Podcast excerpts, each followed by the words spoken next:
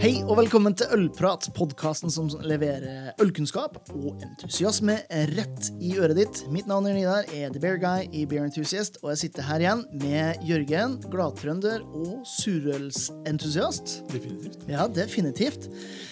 Og i dag skal vi snakke om eh, deilige ting som lactobacillus og brettanomyces og ja, stallgutt og eh, hestepledd og i hele tatt. Alle vennene våre. All, ja, rett og slett.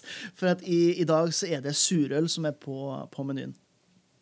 Og eh, hvis man går eh, litt grann tilbake i tid eh, Ikke så veldig lenge sånn historisk sett, en 100-150 eh, ja, 200 år eh, tilbake i tid, så var jo de aller, aller fleste øl syrlige på et eller annet tidspunkt. Eh, man hadde rett og slett ikke kontroll. Man visste ikke hva en eh, mikroorganisme var.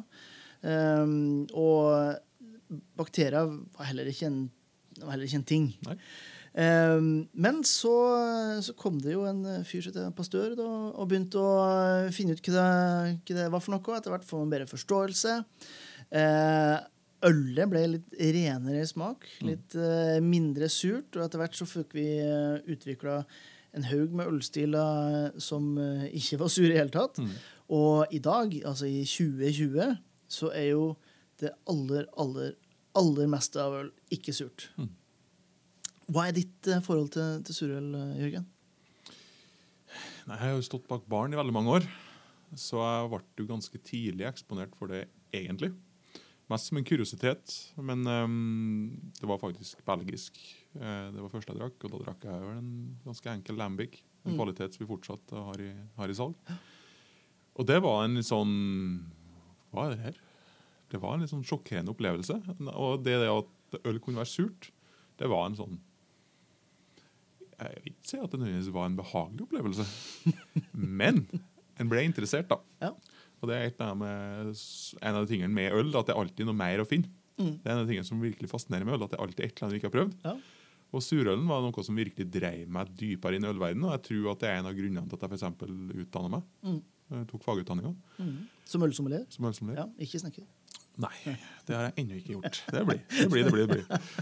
Ja, det, det, og det, siden den tid så har jeg, husker faktisk eh, Og det nevner jeg hver gang jeg heller smaking også. Det er, altså, det er Rodenbach. Jeg hadde en Rodenbach-opplevelse en gang. Mm. Som gjorde at det virkelig tok, uh, tok blomsten min. Og at jeg ble uh, surølentusiast. Ja. Tok steget. Ja. For det var faktisk noe helt vanvittig. Det var en øl som smakte både skikkelig øl og i tillegg var sur. Og det var liksom så forvirrende. Og det var så, så gledelig at jeg, bare hoppa i det. Og siden har jeg egentlig prøvd å smake så mye surt som jeg hele tatt får i meg. Ja, ja. Eh, på godt og vondt. ja, på godt og vondt. For det er ikke alt som er godt. Nei, det er helt sant. Virkelig ikke. Eh, For å bryte sånn teknisk eh, ned, så kan vi begynne med å si at det er mange forskjellige typer surøl. Mm. Jeg putter det i to forskjellige eh, kategorier. Det er den som er spontangjæra, og den som er bryggeteknisk syrna. Mm. Eh, og det er en veldig røff for at noen kombinerer begge. og i hele tatt. Men hvis du har en eh, spontangjæra surøl, så er det ofte en eh, Høl i taket. det er ofte hull i taket, og det er ikke kødd engang. Det er ofte høl i taket, Eller noen svære vinduer som åpnes. Det er rett og slett øl som eksponeres for naturen. Eh, og via den naturen, den lokale faunaen som er der, eh, så, så blir den syna. Den får tilsetninger av eh, bretonomyces, eh, eh, gjerne, eh, og en del synende bakterier. Og de er rundt oss overalt. Til enhver tid. Hele tiden. Ja. Noen har mer gjærespor rundt seg enn andre, uten at vi skal gå i detaljer på det. Mm. men den spontangjæra eh, ølene det er noe som man gjerne kjennetegner med Belgia. Mm. man eh, skal gå litt inn i de enkelte stilene etter hvert, men, eh, men det er der man, man tenker hovedsakelig på det. Mm. den bryggetekniske den kan også kombineres med en sånn spontanfermentering, men det er ofte en, en, annen, eh, en annen måte å, å brygge det på. Der man eh, I moderne tid bruker man jo noe sånn sour kettling, altså man syrner det i, i kjel. Mm. det gjorde man òg tidligere. Da, da, da mesker man det inn. Eh, tilsett eh, ja, I de tider så var det gjerne bare eh, u... eh, uh, uoppvarma, umeska korn i en uh, ganske eh, kjølig eh, mask. Eh, du kan la det stå over tid, så vil det naturlig utvikles eh, eh, Utvikles eh, en form for, forsyning fordi at man ikke koker det først. Mm. Um, men det er mer en, en teknisk ting som for, uh, for bryggeriet er mye lettere å, å, å kopiere og Mm. gjøre på nytt igjen, Ja. Uh, men skape en helt annen kompleksitet enn en spontangjærøl vil Mm. gjøre. Eh, man er rett og slett ikke så eh, Det er mye lettere å kontrollere en bryggeteknisk syrning Mm. enn en spontan eh, fermentering. Regner du nå også eh, altså, syrning som oppstår via lagring, også som en spontan fermentering? Ja, det, det gjør det. Ja. Eh, for når man snakker om surøl, så er det jo, det er jo tre stjerner. Det er jo Lactobacillus pediococcus, og det er Brettanomyces. Og det er tre vidt forskjellige ting som gjør tre vidt forskjellige ting eh, med ølene. Eh, Brettanomyces er en gjær. Den finner man ofte i spontangjæra øl. Nesten utelukkende den som funker. Og den har som oppgave å konvertere sukker til alkohol. Mm. Eh, litt sånn eh, En sukkersopp. ja, rett og slett. Og det er jo det som skiller den fra, fra vanlig, eh, vanlig gjær, som man bruker mer kommersielt. Eh, Så er det jo det at den, man vet ikke helt hva man får av smaker. Den kan være ganske umulig. ja, Ganske vill. rett og slett ganske vill. Og, og smaks... Altså, kan, kan du gi noen sånne eksempler på hva bretonomysis kan gi av smak i et, i et øl, Jørgen? Nei, kjeller. Kjeller? Mm, en litt grinete gammel hest. Mm. Eh, Det kan være ullteppe. Mm. Ja, det kan være eh, litt sånn møgla frukt. Ja. Eh, Potetkjeller er en klassiker, ja. Mm, Det høres jo altså, Umiddelbart så høres det ikke så veldig godt ut. vått gress. Ja. Um, det, det er sånne ting som Surt høy. Surt høy, ja. Det er sånne ting som du kanskje ikke umiddelbart ville ha hogd tennene i. Men hvis du nå brygger det, så kan det også være noe helt annet. Ja. Det er det. Ja, for det, altså Bretonomyces i seg sjøl, i en vanlig pilsner, i en stout, en sånn, det vil man i utgangspunktet si er en, en feil. En ølfeil. Og. Brettanomyces i en IPA er også en feil. Ja, og for, Contrary to popular belief, Ja. så er det faktisk feil. ja, det er ikke lov. og Bretonomyces i vin, det betyr døden. Altså det, da betyr at da, da funker ikke den vinen i hele tatt. Du har noen eksempler som er Du har noen naturvin som Ja. har- kan være litt og da Men det er, da snakker du far out. Hvis man syns at surøl er out, så er vin med Brettanomyces det er far out. Jeg er godt på, godt på venstresida. Ja, det er det absolutt. Um, så den er med å konvertere og skape alkoholen og også um, karboneringa i flasker ganske ofte. Men den gjør det litt på en litt sånn uforutsigbar måte, som du sier. Mm. Og den er på en måte ikke Du kan si at den er ikke noe spesialist. Hvis du tenker på Mm. vanlige ølgjær, eh, både elgjær og lagergjær, så er de, de er gode Ja. til å konvertere sukker til alkohol og CO2. De er, Lett, de er lett blitt, å manipulere for de er blitt dyrka fram for å gjøre det, og de har, eh, gjør det også under ideelle forhold. Mm. Brettanomyces er på en måte Det er en eh, fri sjel Mm. som ikke har blitt dyrka fram eller gått på skolen, ølskolen. Og den da, mm, angriper ølen tidlig Ja. og snafser litt til den blir fortrengt av folk som er sterkere enn seg. Men så kommer den tilbake som regel etterpå.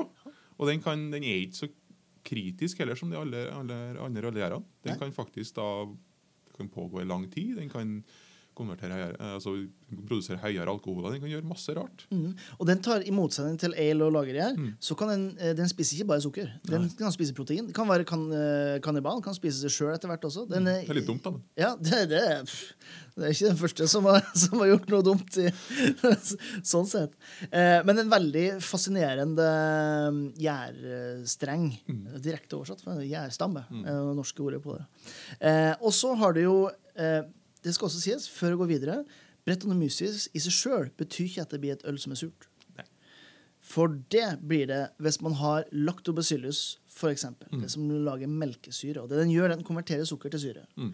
Um, har ikke en veldig sånn her lett gjenkjennbar smak eller aroma. Eh, unnskyld, ikke noen aroma som er lett gjenkjennelig. Smaken er jo eh, sur. Mm. Men det er også, det er i hvert fall hvis du har litt trening i det, så kan du også plukke det opp i, i, i nesa. Eh, Det er de flyktige syrene. Um, dem- dem- og det er ofte dem du får litt vondt i hodet av. Mm. De kan du ofte plukke opp da, eh, hvis du har litt trening. Mm. i, i. Det er vanskelig å beskrive hva det, det faktisk lukter. Mm. Det er litt sånn vanskelig å sette ord på. Det man kan tenke lagt opp syllus, er det samme, eh, som man har, den samme bakterien man har i f.eks. yoghurt, som gir en litt sånn friske eh, preget. Og dermed- Yoghurt er faktisk en ganske god beskrivelse av, av Ja. flyktige.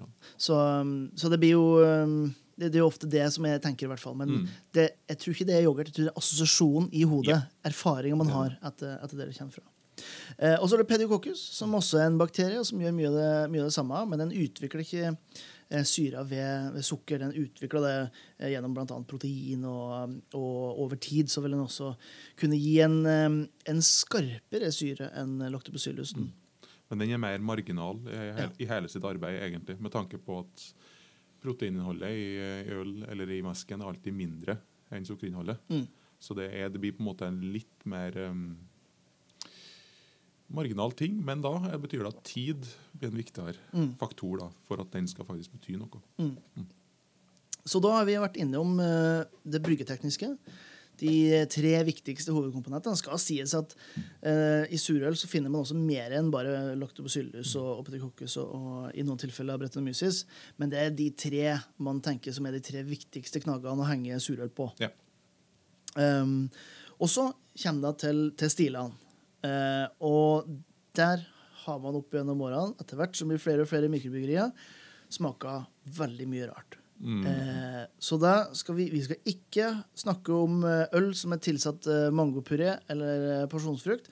Sjøl om eh, det sikkert kan være surt, det også. Eller en eh, sitron-IPA. Det er heller ikke det er ikke der vi skal. Vi skal gå på de klassiske stilene. Vi skal snakke om typeriktighet Mm. og hvor de kommer fra. Og den første jeg egentlig vil dra fram, det er Berlinerweisse. Mm. Det er jo en, eh, en tysk ølstil eh, som var altså Det skal sies med egentlig de fleste av de surølstypene, og egentlig mange eh, andre øltyper også, de var jo i ferd med å dø ut fram til det kom små bryggerier, mikrobryggerier til verden og oppdaga de her mm. fantastiske ølstilene. Eh, Berlinerweisse er en, hveteøl. Eh, så tradisjonelt sett så vil ha minimum 50 hvete. Mm.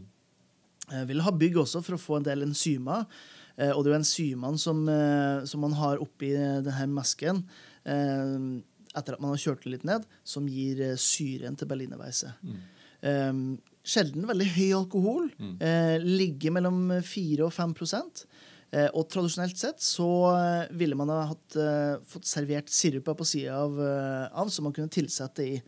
Eh, og det, Men det syns bryggeriene er så artig å gjøre sjøl. Ja. At det gjør de innenfor bryggeriets fire vegger. Yep, det stemmer. Så det gjør jo at i moderne, eh, i moderne tid så får man jo eh, berlinerweisse med bringebær eller jordbær eller eh, tropiske frukter. Eh, jeg har sett sjokolade også. Den har jeg ikke smakt sjøl. Jeg har bare lest om det på nett, og jeg tenker det holder for min del. Trygg avstand. ja, trygg avstand. Eh, berlinerveis, hva, hva tenker du om, eh, om, den stilen? Jeg tenker en, det tenker en ølstil som vil mer enn den greier å gjøre. Mm. Altså den, det er en veldig sånn forfriskende eh, Når den gjøres riktig, så er den veldig forfriskende. Det er en tørsteslukker. Det er på en måte en slags sånn sommerøl for min del. Mm. Eh, samtidig så er det ofte er det den øl, ølsen som skuffer meg oftest, Ja. må jeg si. Og det, det handler litt om relasjonen mellom aroma og smak. Ja. Fordi at i motsetning fra noen av de mer eh, til, ja, til noen andre surølstiler, så, så får du både nesen og munnen. så her blir det ofte veldig sånn fruktig og fint og morsomt i nesen. Mm. Og så drikker du den, og så er det sånn Ja, her var det syrlig, du! og så var det ikke noe mye mer. Nei. For det er ikke så mye alkohol, det er ikke så mye munnfølelse. Det er heller ikke så mye, eh, mye annet aroma Nei. ofte i det. Og du kjenner en sånn fin hvetesmak ofte. Sånn godt med lyst knekkebrød. Men det er en sånn ølstil som kan være veldig vanskelig å balansere. Ja. Skal sies at jeg har prøvd imperial-stiler av det her. Okay. Og da, jo, da kan det skje en del interessante ting. Ja. Rett og slett fordi at du får mer alkohol, og da får du også mer munnfølelse til å holde, til å holde opp imot uh, det som er i nesen. Men uh, det er en- vanlig, imper, eh, vanlig liksom Berlinerweisse, en sånn øl som jeg gjerne kan ta en av på en sommerdag. Mm. Da skal jeg si mm, det var godt. Ja. Og så tenker jeg ikke mer på den Nei, saken. sant. Det er på en måte ikke en spesielt intellektuell øl Nei. Ja, ja brannfolk er der. Men, eh, og det skal sies at det her er den eh, av de tradisjonelle surølstilene som jeg anser som den enkleste også. Yes. Eh, Det er nok det jeg prøver å si. ja, eh, men med finere ord. Eh, men det, det passer jo godt mellom oss to. Du, er- Litt mer gretten også. Ja, litt, litt mer gretten. Og, og jeg må jo si det også at, at uh, hvis man tenker berlinerveise, så tenk, tenk en, en rett og slett en syrlig hvetøl. Mm. er vel egentlig den rette måten. Du har ikke mye rar aroma og i hele tatt. Det er Bare straight. Det er leskende og um, en veldig god sånn gressklipperøl i, i mine, mine øyne. Viktig at det er lav alkoholprosent Ja. når du skal sitte på den gressklipperen. Ja. Eh, spesielt hvis du har en sånn som jeg, sånn som jeg egentlig skal dytte. Når man sitter oppå den gressklipperen, så kan man ikke ha mye innabords. Neste eh, går vi opp en lite hakk i kompleksitet. Eh, vi er fortsatt inne på en eh, surøl som ikke har noe bretonomysis, men eh, mye av de her eh, syredannende bakteriene. Har hvete i seg, men en tilsetning av koriander og salt. Og vi snakker om, eh, om gåse. Eh, og da går vi opp et steg i kompleksitet i forhold til, eh, i forhold til berlinerweisse. Eh, det er òg en stil som man ser nye bryggerier eksperimentere med tilsetning mye frukt. og, og hele tatt. Eh, men tradisjonelt så er det kun koriander og salt. Og faktisk man, eh, man finner tyskere som også vil si at det skal ikke være noe koriander oppi i hele tatt. Men det kommer an på hvilken bygd de kommer fra. Hvor alvorlig du tar det. ja, rett og slett.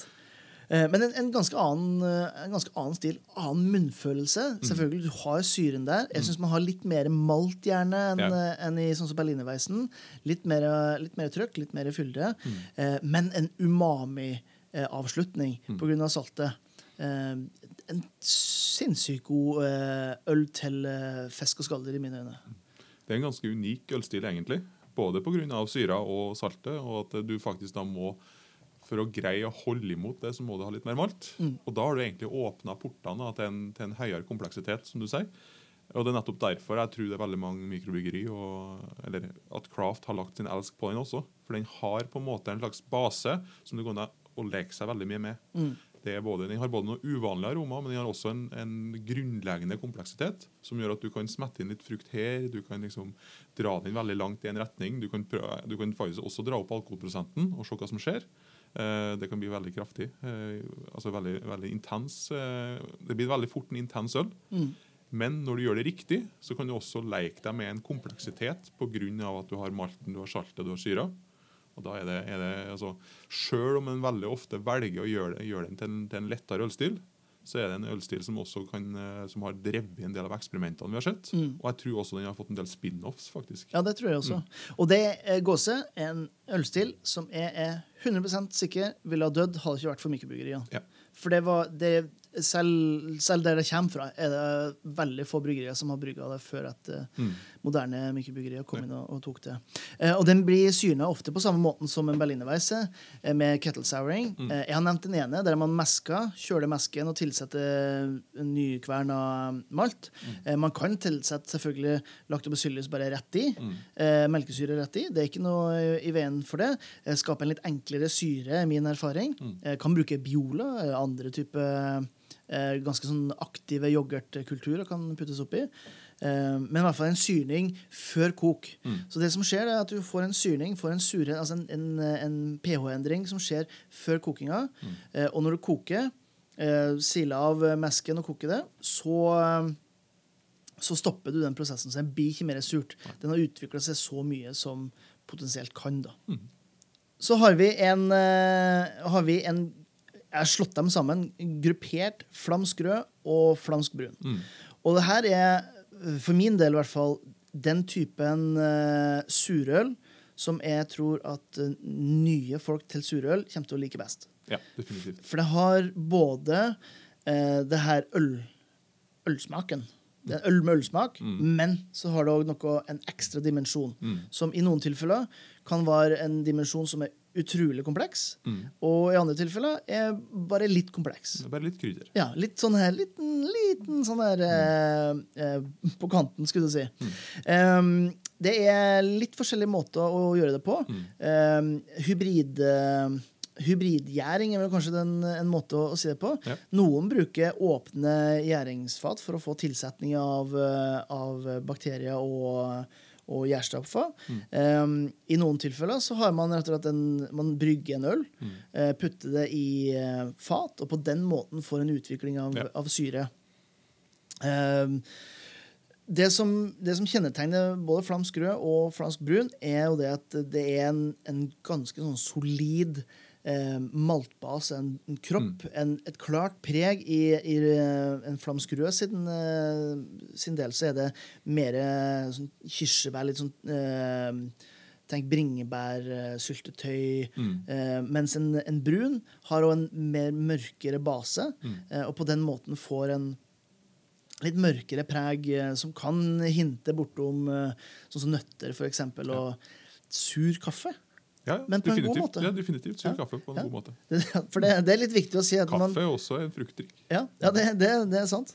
Um, men det som jeg syns i forhold til sånn som gåse- og berlinerveise, det er at man har en mye, en mye rikere maltkropp. Mm. Det er mye mer som å sier, Ølsmaken er der. Den som man eh, kan karakterisere som en ølsmak. Mm.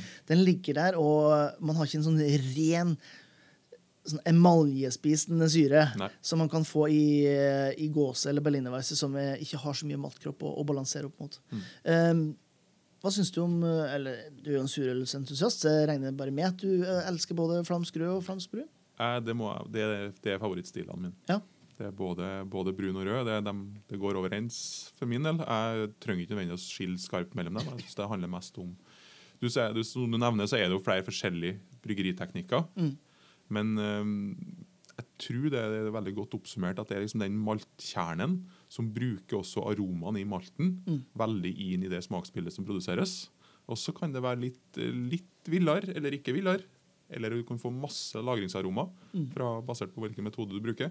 Så det er en, på en måte en sånn skikkelig bra brown ale Ja. som bare har flere dimensjoner, og som eh, har et mye, mye mer interessant liv. Ja. De har et lengre og mer interessant liv. Og det her er jo øl som også er lagringsdyktig. Ja, Ikke absolutt. minst. Så det er jo en dimensjon jeg virkelig setter pris på. Mens de to, de to andre stilene vi snakka om, altså Gåse og Berliner Weisse, er på en måte det er ferskøl. Mm. Jeg, jeg blir øyeblikkelig mer gira hvis det er lagringspotensial i ølen. Mm. Jeg syns det er veldig, veldig morsomt. Når man kommer til de flamske ølstilene, så er det òg en, en blend. ikke sant? Så man, eh, man justerer på en helt annen måte. Vi skal komme innom eh, en, en siste surøl ganske straks. Mm. Men sånn som går også Berlinerweisse, og det neste vi skal snakke om, eh, der er det ikke blending i utgangspunktet. Mens når det kommer til de flamske, så, så blander man ofte eh, ferskt øl. Eh, sånn at man har her ølsmaken, mm.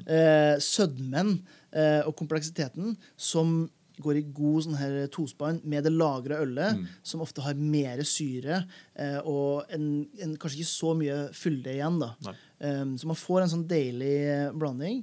Eh, og så er det jo Altså Der er det så mye forskjellige måter å gjøre det på. Eh, avhengig av hvilket produkt man ønsker å ha, hvilken, eh, hvilken eh, ble- blender det. For at i, i, eh, når man kommer til de her tradisjonelle belgiske ølstilene, så er det mange av de som eh, som, eh, som holder på med det, som ikke anser seg som bryggere. For at de ser ikke at ølet sitt egentlig er i gang før at det har gått et år eller to på fat. Og de skal begynne å skape en smak, en opplevelse, en, en, en, et produkt da, eh, som egentlig ble brygga for ganske lenge siden. Ikke sant? Så det, den brygginga er egentlig bare en, sånn her, en slags forspill Mm. før de får lov til å begynne å blende. Ja, det, kan, det kan en annen ta seg av. Bare Kom til meg om et år, du. Ja, stemmer. Så, um, og matmessig så syns jeg også det er fantastisk spennende Mm. og utfordrende øl å, å jobbe med. Det, det med mye syre er ikke noe som hvert fall vi nordmenn er så veldig vant til. Nei. Eh, kanskje utenom når det kommer til eh, kommentarer på Facebook. Eh, men kjøtt syns jeg det er veldig spennende til. Hvis du går på den flamsk rød, som er litt snillere, kanskje litt mildere i smak, eh, gjerne sånn lyst kjøtt. Og da tenker jeg sånn type kalv og den type ting. Eh, hvis du går på den brune, eh, så er det jo Altså, du har tjukt av, av ordentlig sånn storfekjøtt. Du kan gå vilt, f.eks. Du kan, og den, det er utrolig mye hva den ølen kan kombineres opp imot. Mm. Ost. Ost, eh, men det er også det er alt ting som er røkt. Mm. Ting som er lagra. Altså det er mm, tørka. Det, det, det er veldig mye som- interessant som skjer når den får noen lagringsaromer. Da er det veldig mange altså, tilberedningsmetoder den, den faktisk passer med. Mm. Og du, den tåler at du blander inn søte ting. Altså, du kan ha søte sauser. Du kan ha ja, salte ting. Det, det er utrolig hva, hva egentlig en, en flamsk rød og en brun kan gjøre. Eh, Nå fikk jeg, jeg har visualisert, mens du har sagt noe, så har jeg visualisert meg en, eh, en sjokoladekonfekt med havsalt på toppen og en sånn frisk bringebærfyll inni. Og en flamskrø. Dårlig gjort. Det var, eh, det var kjipt. Ja, nå ble jeg sulten. Ja. Ja, det er ikke så lenge til lunsj. Vi får håpe at noen har hørt det vi har sagt nå, og laga det til oss. Eh, men helt enig. Det er en eh, fantastisk spennende ølstil å, å jobbe med. Mm. Og så kommer vi til uh, le grand finale. Vi kommer til uh, the big one. Den uh, sureste, sprøeste, villeste av de alle. Lambikken. Mhm. Og her er det ingen som gjør det så bra som belgerne. Rett og slett for at eh, Jeg vet ikke. Eh, det er noe med den kulturen som man finner i de her uh, Lambic-bryggeriene, som er helt unik. Vi har, det har vært eksempler på tradisjonelle bryggerier som har flytta lokasjon. Og i det de har gjort, det har saga ned takbjelker, tatt så mye av veggene med seg i det nye bryggeriet som overhodet mulig, for å få den rette balansen mellom bakterier uh, og gjærstoffer. Uh, og det viser jo bare hvor, uh, hvor sårbar, hvor naturlig denne ølstilen egentlig er. Mm. For da begynner vi virkelig å snakke om eh, lokal egenart.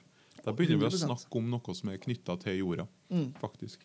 Eh, til motsetning eh, i veldig mye annet prat om tradisjonelt norsk øl, f.eks. ja, ja, ja. Mens i Belgia så er det faktisk eh, noen av lambic-bryggeriene er sånn, det er faktisk det som er i veggene og jorda. Ja.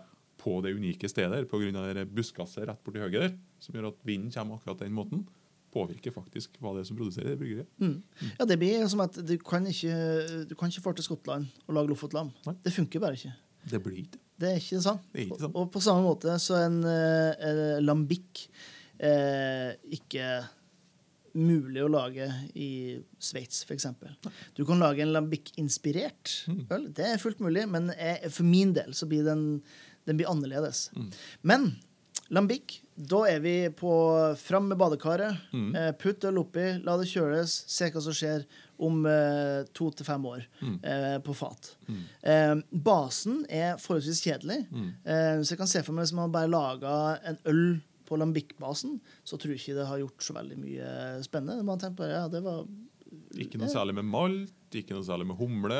bare, Ganske tamt. ja, faktisk så ville jeg, jeg tror det kunne vært litt fælt, da, for man vil jo gjerne bruke gamle humle Mm. i, eh, i produksjon av lambic Mm. for å, å skape og for å få minst mulig aroma og smak og mest mulig bitterhet. Mm. Og med lagring av, eh, av eh, humle over tid, sånn at det blir oksidert, så kan du få en sånn litt sånn ubehagelig eh, opplevelse, kan vel si. Um, lambic i seg sjøl, en helt ren eh, en helt ren surøl. Mm. Ikke noe fiksfakseri. Eh, man gir det tid, og det er tiden, bretonomysisen, bakteriene og det, litt av det fatet man lager det på, som eh, er det som, eh, som gjør eh, produktet så unikt som det er. Eh, så kan man begynne å gjøre en del spennende, morsomme, kule ting. Man, Da skal det blendes. da kan det blendes. Da får man en gøs. Mm. Eh, og der er det jo helt opp til den personen som blender, Mm. hvilket produkt man får. Eh, man har jo faktisk, eh, man snakker om kontraktsbryggerier. Mm. Det eh, kan man jo synes hva man vil om. Men det kuleste av det kule, de holder på med gøsstykkeri. Mm. Altså, de kjøper vørter fra diverse um, lambikkprodusenter, Mm. lagrer det. De har ikke et bryggeri, de har bare, rett og slett, de bare blender. Det er det eneste de gjør. Mm. Da, da er du kul. Mm. Kontraktsbrygging? Eh, OK. Men har du gørstikkeri, så er det, det er Drømmen om ditt eget ja, gørstikkeri. ja, det hadde vært noe. Hæ? Hva du tror? Um, mens det er lambic, i hvert fall. En mye, altså en ganske sånn syredominert, uh, kompleks eh, sak, med alle de her rare uh, bitterhest og, mm. og muggen jordkjeller. eh, på en positiv måte. Det fins faktisk det òg. På beste måte. Ja. Så det, kan det være enda mer kompleksitet og mer balanse i syren i, en, i en gøse. Så den er litt snillere enn lambic sånn generelt sett. Den blir jo snillere fordi at du får flere aromaer, og du får en, du får en breiere på en måte, base veldig ofte. Og, og når du begynner å lagre gøsen din, da, så får du også da det, det videre livet til Brettanomysisen. Altså de, eh, en toning av syra. Den Syra kan også bli mer. Mm. Kan bli syrligere. Ja. Men det, også så ofte så oppstår det en del fruktaroma etter hvert. Som eh, kan bli veldig, veldig behagelig, faktisk. Mer kompleks, men også mer behagelig for, fordi at flere og flere aromaer kommer inn i bildet. Ja, Hvis det skulle ha vært én type ølstil å lagre, Mm. det hadde vært lambic. Mm. Og så kjøpt en hel kasse, så smakte det en annen hvert år. Mm. Eh, For det hadde kommet til å vært en helt annen opplevelse. Eh, fordi det er en, altså Brettanomyces er en, eh, en gjærstamme som, som jobber veldig sakte. Mm. Det er det stikk motsatte av kveik. Kveik det er liksom bang, bang, bang. Altså, det er liksom gått to døgn, og så er vi ferdig. Mm. Eh, Brettanomyces er treig som juling. Mm. Eh, så den er litt mer ja, Rett og slett noe som, som bruker tid på å utvikle seg. Mm. Tradisjonelt i Belgia også så kan man begynne å putte litt frukt oppi. Mm. Kirsebær, eksempel, eh, er jo eh, fantastisk godt i, i øl. Lag en liten krik. Mm. Eh, bringebær, få en liten frambois. Eh, mye, mye forskjellig man kan, kan putte oppi. Og Banan, og så får du litt bananøl. Nei takk, det må du roe ned rekka her. Det får være grenser på det. Litt purister må vi være òg. Det kan ikke ta helt av. Ehm, ja, det er sikkert noen som har laga det også. Oh, Det, ja, ja. eh, det fins jo et samarbeidsbrygg med et eh, tradisjonelt eh, belgisk bryggeri og et moderne dansk bryggeri, som er en lambic med basilikum. Eh, og den uh, har jeg nekta å smake på. Ja, nekta å smake på. Jeg har rett og slett bare tenkt at nei, vet du hva, det, det trenger jeg ikke.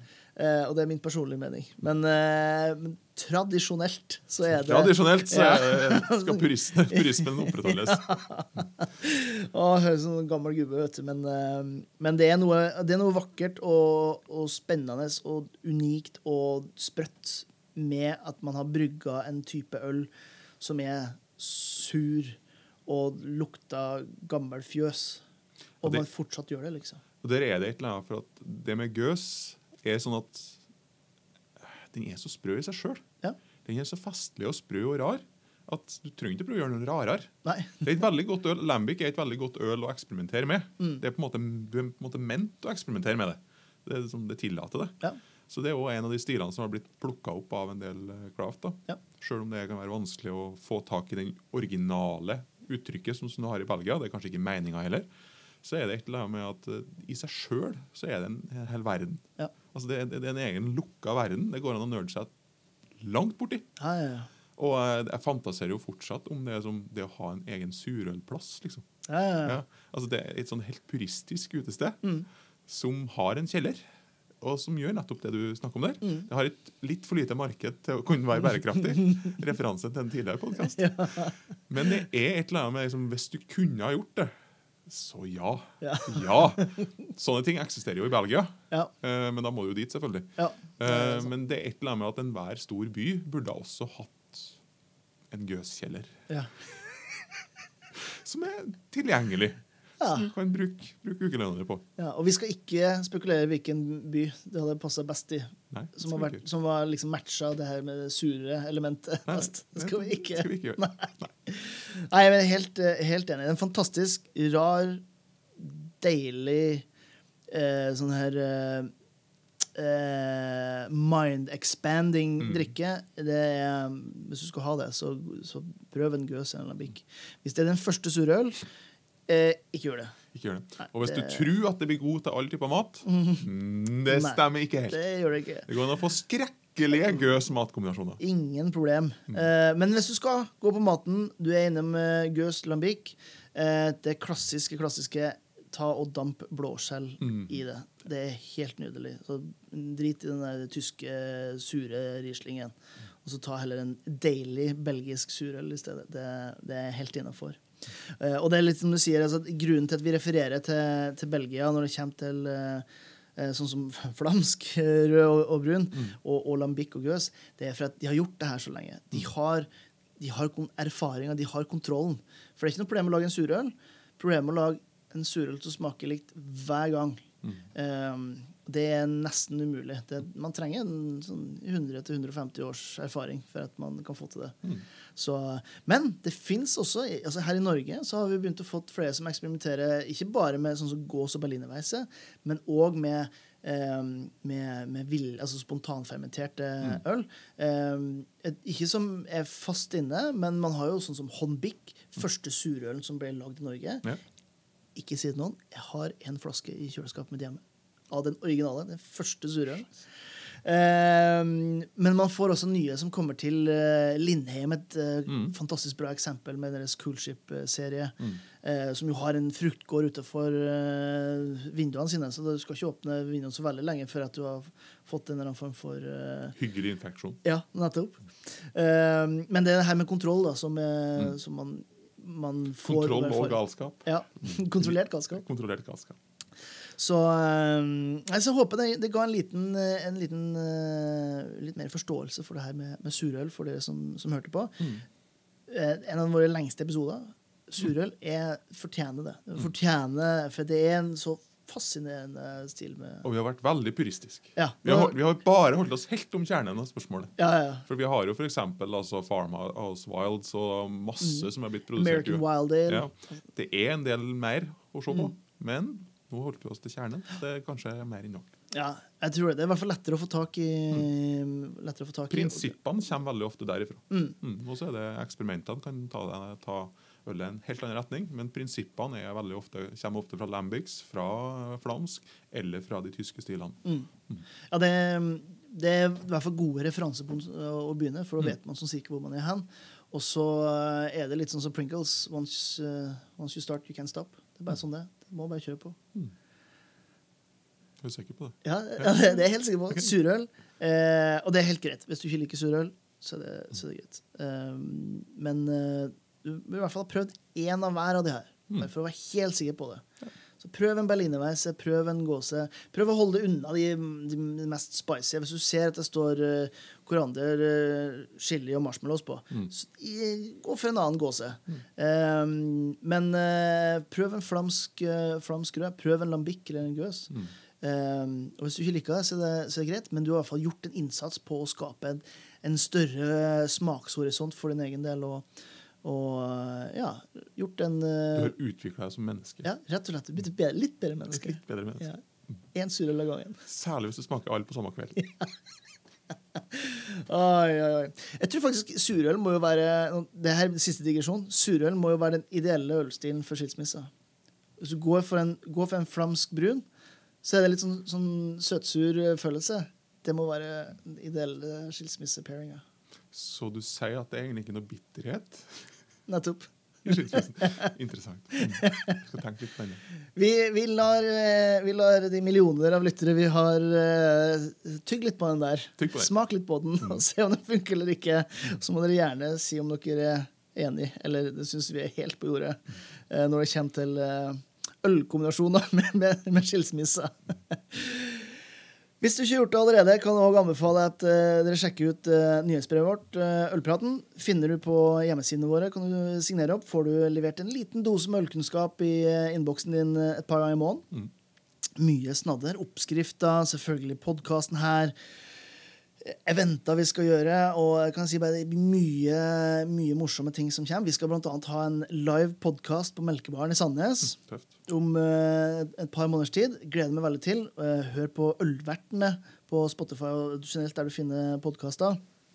To uh, gærne typer i Mikael og, og Joar, eh, som liker å ta seg en kopp kaffe også, eh, og, og prate skit. Eh, men verdt å høre på dem.